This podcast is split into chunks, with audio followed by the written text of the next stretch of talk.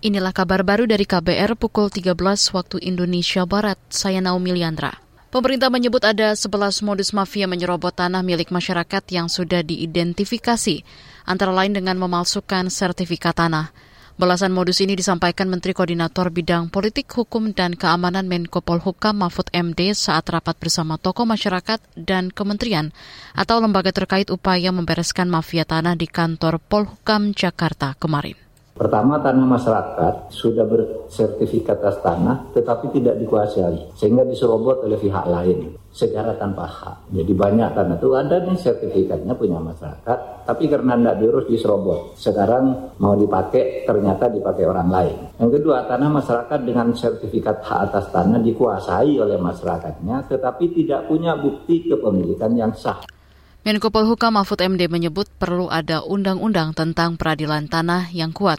Sebab sampai saat ini banyak sekali masalah yang terkait tanah di Indonesia yang belum diselesaikan secara tuntas.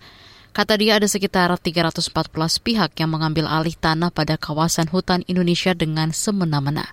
Peradilan tanah perlu diperkuat agar tak mudah dikalahkan atau dicari kesalahannya oleh mafia.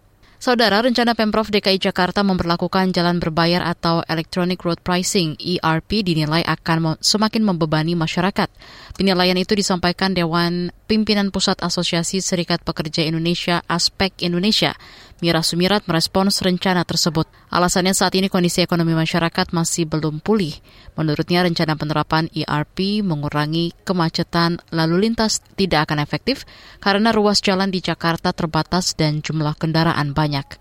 ERP justru dinilai sebagai upaya Pemprov untuk bisa menarik dana dari masyarakat dengan paksa dan cepat. Mirah menolak pemberlakuan ERP dan meminta pemerintah tidak menambah beban hidup masyarakat. Rusia menuding negara-negara barat memperburuk krisis di Ukraina. Menteri Luar Negeri Rusia, Sergei Lavrov, menuding krisis Ukraina adalah hasil dari persiapan Amerika Serikat dan sekutunya.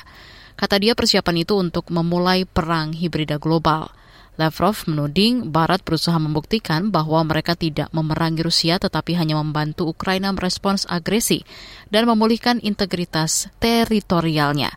Kata dia, skala dukungan mereka memperjelas bahwa Barat telah mempertaruhkan banyak hal dalam perangnya melawan Rusia. Demikian kabar baru KBR, saya Naomi Liandra.